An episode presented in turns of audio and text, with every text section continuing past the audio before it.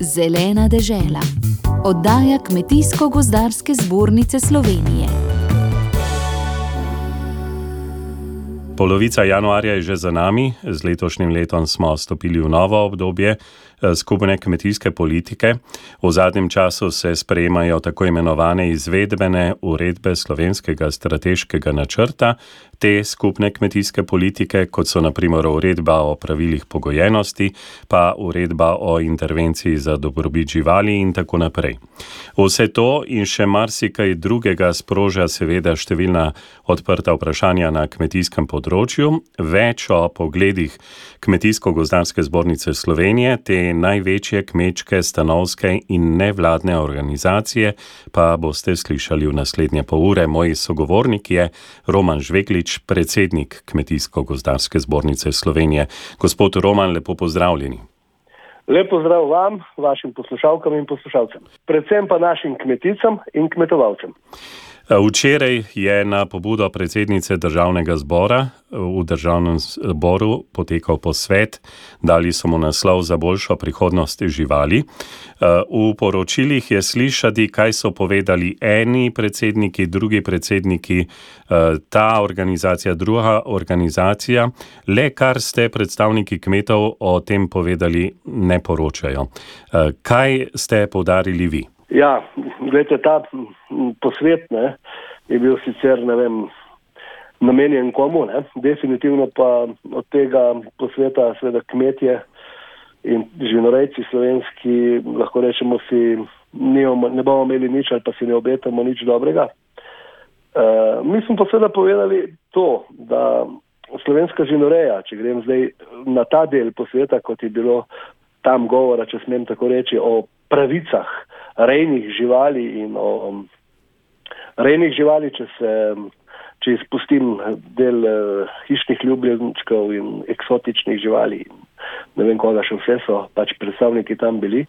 Seveda, mi smo tam povedali, tukaj seveda lahko rečem zadružno zvezo in kmetijsko gozdarsko zbornico, ko smo bili um, glas upijajočega v puščavi, da je seveda slovenska živinoreja Eh, garant za slovensko obdelano kulturno krajino, da na, v Sloveniji skoraj 41 tisoč kmetij redi rejne živali, da je od tega skoraj 500 tisoč govejih živali, eh, dve, skoraj 220 tisoč prašičev, 120 tisoč ovc in um, slabih 30 tisoč kos. Uh, mi smo seveda povedali, da je ta pretežni del Slovenije uh, izključno travno travinje. In da če hočemo imeti obdelano kulturno krajino, seveda rabimo nekoga, ki to travinje zaužije. In da je to seveda uh, travojeda žival, tiste, ki sem uh, jih prej naštel, če štejemo prašiče. In da je v Sloveniji slovenski rejci, da se izobražujejo in o dobrobiti, in da slovenski rejci, lahko rečem, in upam si trditi, vzorno skrbijo za svoje živali, seveda, kakšna izjema pa potrjuje to pravilo. In da na tiste ekscese, ki se dogajajo in so ponovadi povezani še z drugimi faktorji, in takrat, ko pride do kakšnih odzemov rejenih živali, da mora takrat na tisto kmetijo priti tudi druge službe, ne samo zbornica in kmetijsko svetovalna služba, eh, pač eh, so obsojanja vredni, ne? vendar potem v takih ekscesih se ne sme pospo, posploševati eh, stanje rejnih živali v, v Sloveniji. Ne? Še nekaj, ne? tam je bilo vse skozi govora, kako smo pač nevarni za ozračje. Dejstvo, da je v začetku korone, ko se je ustavil ves letalski promet, ko industrija ni delala, da se je ozračje nad Evropo eh, izredno izboljšalo, pa ni bilo nič manj živali, eh, da so krave ravno tako jedle, eh, podrigavale, seveda na ta argument pa nismo imeli odgovora. Kako ocenjujete sicer vse povedano, nekateri, predvsem starejši kmetje, ki so si vzeli čas in zadevo eh, prek televizije spremljali, so zaskrbljeni oziroma so izražali eh, zaskrbljenost, ker je bilo precej žuganja, so rekli. Ja, eh, to je zopet, bom tako rekel, ne? jaz si upam trditi, ne? da je ena manjšina ljudi, ki pač živi v nekem svojem mehurčku, hoče usiljevati svoje poglede in svoj način življenja nad večino. V kmetijski gozdarski zbornici bomo seveda vsemi argumenti in z odločnim, odločnim ukrepanjem pač nasprotovali vsakemu posegu v tradicionalno slovensko živinorejo. Eh, če greva naprej, odprtih je precej tematik, eh, ampak eh, zanimivo se mi zdi, na Zadružni zvezi Slovenije opozarjajo, da ste kmečke nevladne organizacije v jesenskem obdobju, v obdobju usklajevanj, predlagale drugačne rešitve, recimo na področju uredbe o pravilih pogojenosti, tudi uredbe o dobrobiti živali. Eh, in da eh, potem zadnje dni lanskega leta sprejete uredbe vseh teh vaših predlogov ne vsebujejo. Eh, kako ta zaplet komentirate na Kmetijsko-gozdarski zbornici Slovenije? No, uredbe niso še sprejete. Ne? Uredbe so še v fazi priprav in se seveda še usklajujejo.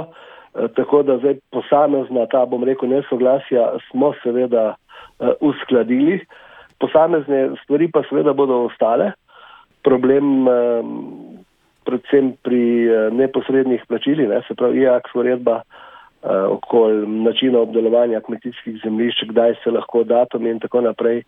Tukaj pa bomo še nekaj napora vlegli, res pa je, da bo tukaj prišlo kar do korenitih sprememb.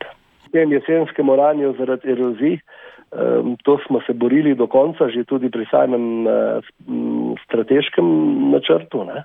ampak tle nismo prišli skozi, tudi Evropska komisija ni, ni tukaj popustila, vedeti moramo, da trenutna tudi ta, bom rekel, evropska politika, Evropski parlament prevladujejo te tako imenovane zelene in še levičarski pogledi in se enostavno ne zavedajo, da pomembnosti predelave hrane, kajti vsaka stvar v Evropi jih moti, ne moti jih pa recimo te medcelinski sporazumi, kot so z Merkozur, z Južno Ameriko, ki bi pa v Evropo prihajala hrana pridelana po bistveno, bistveno slabših standardih, ob, tretirana z um, določenimi fitofarmacijskimi sredstvi, ki v Evropi že desetletja niso dovoljena, se pravi, ta stvar jih pa ne moti in uh, človek z zdravo, razumsko uh, miselnostjo tega enostavno ne more razumeti. Zelena dežela. Oddaja Kmetijsko-gozdarske zbornice Slovenije. Gospod Roman Žveglič, 10. januarja se je prvič sestal strateški svet za prehrano, posvetovalno telo predsednika vlade. Njegovo sestavo so nekoliko spremenili, tudi razširili. Na Kmetijsko-gozdanski zbornici Slovenije pa ste že decembra eh, se negativno odzvali na vse skupaj in to označili kot nekakšen napad na slovensko živinorejo. Kako zdaj vidite vse skupaj? No, gledajte, Kmetijsko-gozdarska zbornica je bila tista organizacija, ki se je prva odzvala na, na to, ko smo v uradnem listu prebrali eh, sestavo strateškega sveta in videli eh, za to. Ne. Ta strateški svet seveda je bil ustanovljen brez neke širše razprave in eh, potreb po njem. Ne. Mi imamo v Sloveniji veljavno res, resolucijo o prehrani. Ne ki bo veljala še dve leti, zdaj se očitno je to priprava za novo resolucijo, ki se sprejema na sedem let.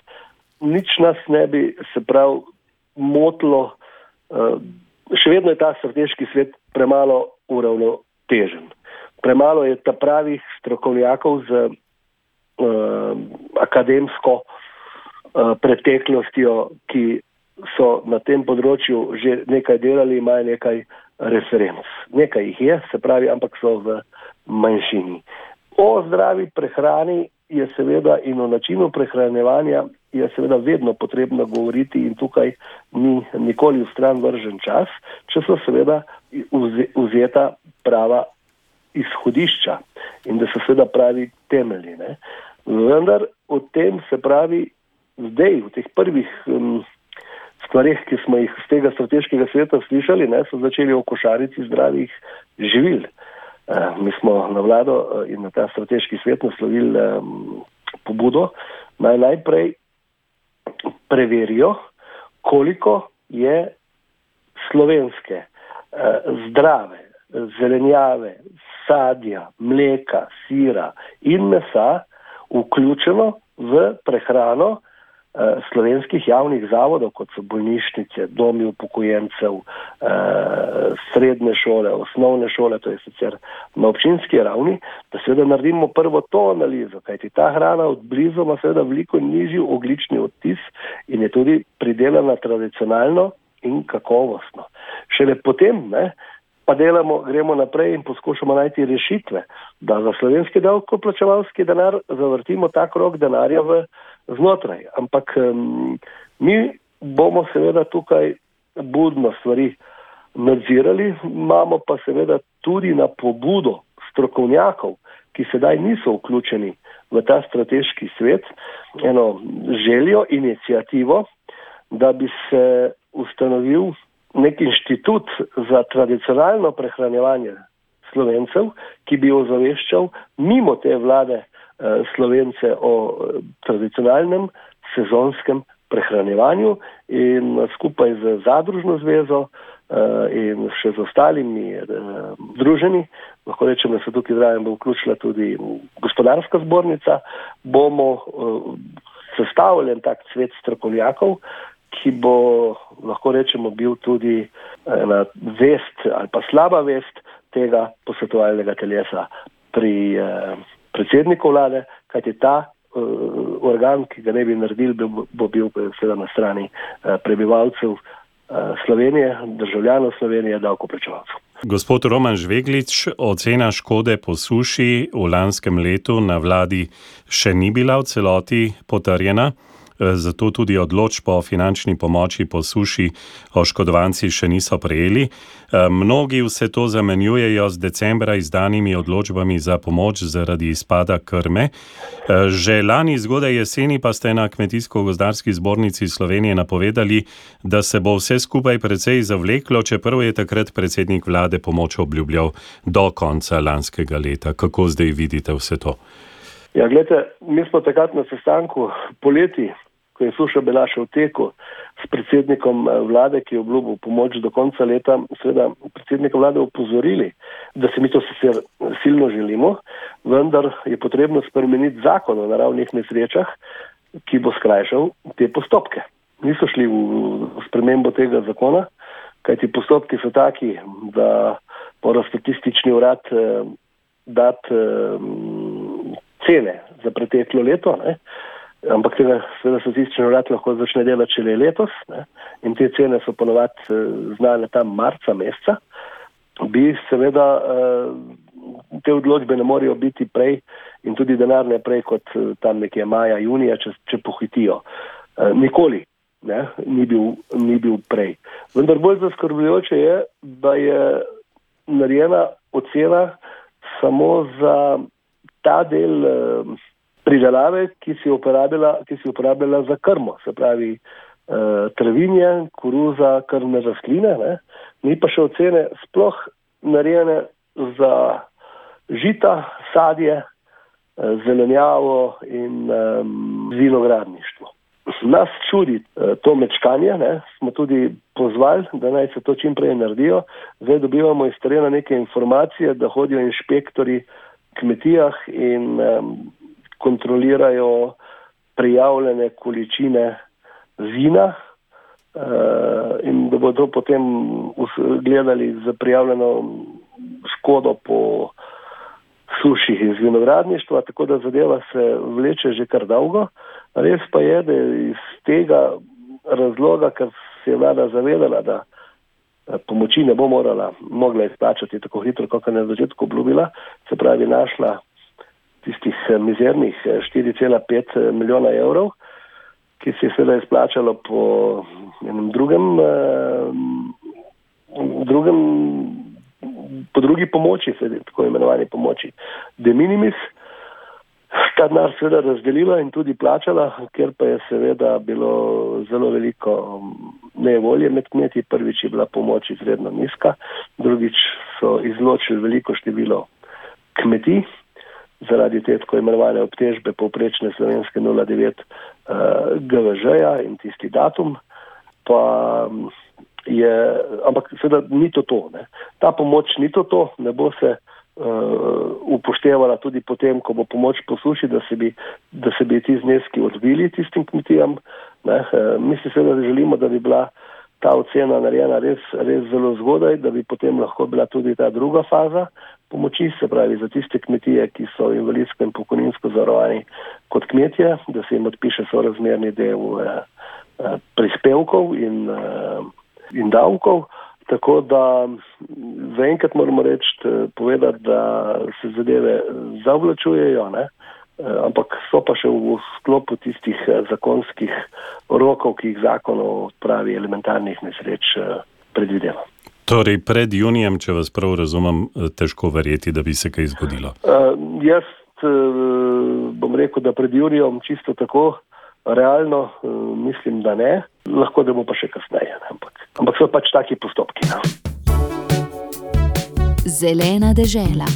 Oddaja Kmetijsko-gozdarske zbornice Slovenije. Gospod Roman Žveglič, še na eno področje bolj tehnično poglejva. Nekateri kmetje so še vedno skeptični do tako imenovanega novega goriva za kmetijstvo, ki je rdeče obarvano plinsko olje, ki se ga sicer uporablja tudi za ogrevanje. Eh, največji trgovec Petrol pravi, da bodo do konca tega meseca na vseh benzinskih servisih, eh, ki imajo na voljo to gorivo že v prejšnjih letih, to novo gorivo tam na voljo in da so bila v ta naven izvedena tudi vzdrževalna dela na uh, cisternah torej in v vsej infrastrukturi. Uh, kako se skupaj vidite na Kmetijsko-gozdarski zbornici Slovenije? V bistvu imamo na to temo, se nisem nikdar mislil, da bomo imeli toliko vprašanj, toliko pripomp. Mi smo takrat, takoj na začetku naredili analize tega korilnega olja, ko še ni veljal nov standard. Ne.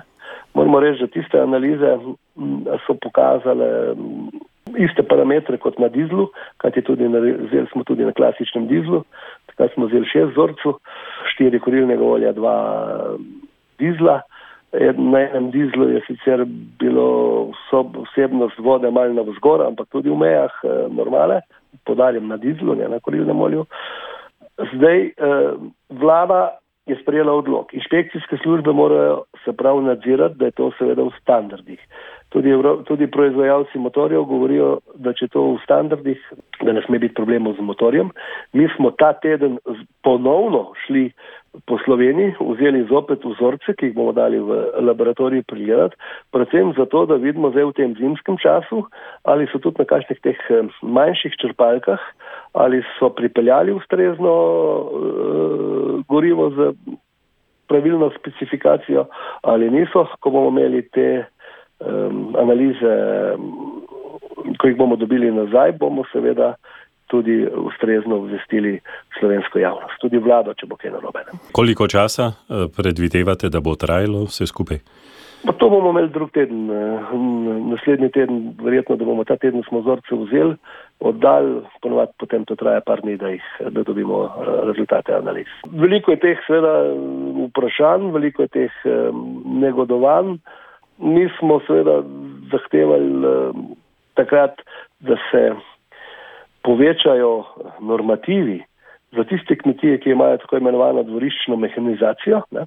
kajti te kmetije so nas vse skozi upozarjale, da je goriva za njihove kmetije premalo, za intenzivne kmetije, da, norme, da pač presegajo količino z dodeljeno normo. Seveda ta zahteva je bila že pri prejšnji vladi in potem tudi zdaj, da je treba ta normativ eh, popraviti. No. Seveda vlada je šla pa v odgovor s tem rdečim eh, obarvanim, se pravi s korilnim oljem, eh, z ustreznim standardom in za neomejeno količino eh, navzgor, se pravi in za dopolnilne dejavnosti, se pravi in za kombajne, se pravi za tisto, kar kmetije, kar kmetije eh, rabijo in uporabljajo in seveda z takojšnjo znižanjem trošarine, se pravi tudi nižja davčna osnova je na to temo, ni pa seveda potem potrebno nič vlagati zahtevko za, za nazaj, predvsem je to, ker vlada se razbremenila ogromno svojega birokratskega, eh, birokratskega dela. Ne. Tako da nekih argumentov, ne, da ta stvar ni v redu, sploh potem, ko smo dobili te analize nazaj, mi enostavno nismo, nismo imeli, da bi to stvar eh, preprečili. Eh, čisto za konec, vstop v ekološko kmetijstvo v novem obdobju je bil na pobudo svetovalcev specialistov Kmetijsko-gozdarske zbornice Slovenije podaljšan na 28. februar. Eh, tako imajo kmetije nekaj več časa za odločitev, kako naprej v naslednjih petih letih. Glede na to, da gre za vstop v novo programsko obdobje skupne kmetijske politike, pričakujete, da bo več odziva? Glejte, zelo mešane občutke imam. Ne. To, da se je podaljšalo, je v redu zato, da se prej sprejme uredba, da se lahko eh, kmet še eh, sam odloči. Uh, zdaj, pričakovati, ne, da bodo kmetijski svetovalci to, kar si eni želijo,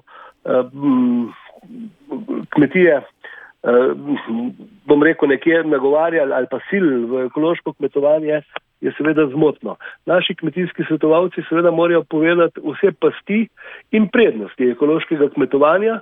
Za ekološko kmetovanje seveda se mora odločiti pa vsak um, kmet sam.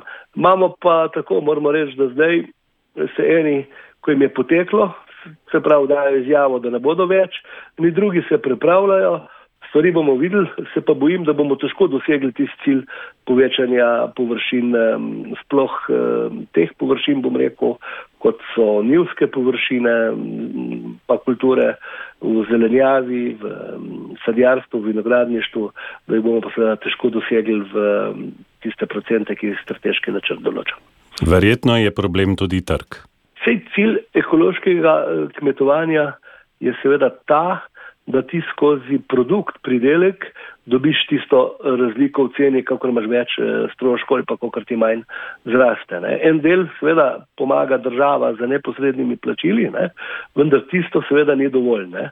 In trg je pa seveda problem. Lahko samo povem za primer, eh, večji ekološki pridelovalci žit letos niso imeli kam prodati piro. Ne. In na koncu je bila odkupna cena ekološke pire 300 evrov po toni, toliko, kolikor je bila uh, krmna pšenica ali tritikal pridelana po konvencionalnih uh, metodah. To je žalosten podatek in kaže, da je pravzaprav potrebno razmisliti tudi o širših aspektih vsega skupaj. Gospod Roman Žveglič, hvala lepa eh, za to, da ste si vzeli čas za tale pogovor in vse dobro. Hvala tudi vam, hvala za lepe želje. Tudi želim eh, poslušalkam in poslušalcem vse dobro, seveda našim kmeticam, kmetom pa želim se prav mirno leto, brez eh, nekih ujm, se pravi zelene eh, travnike, zdrave živali, rodovitna polja, polne vinograde.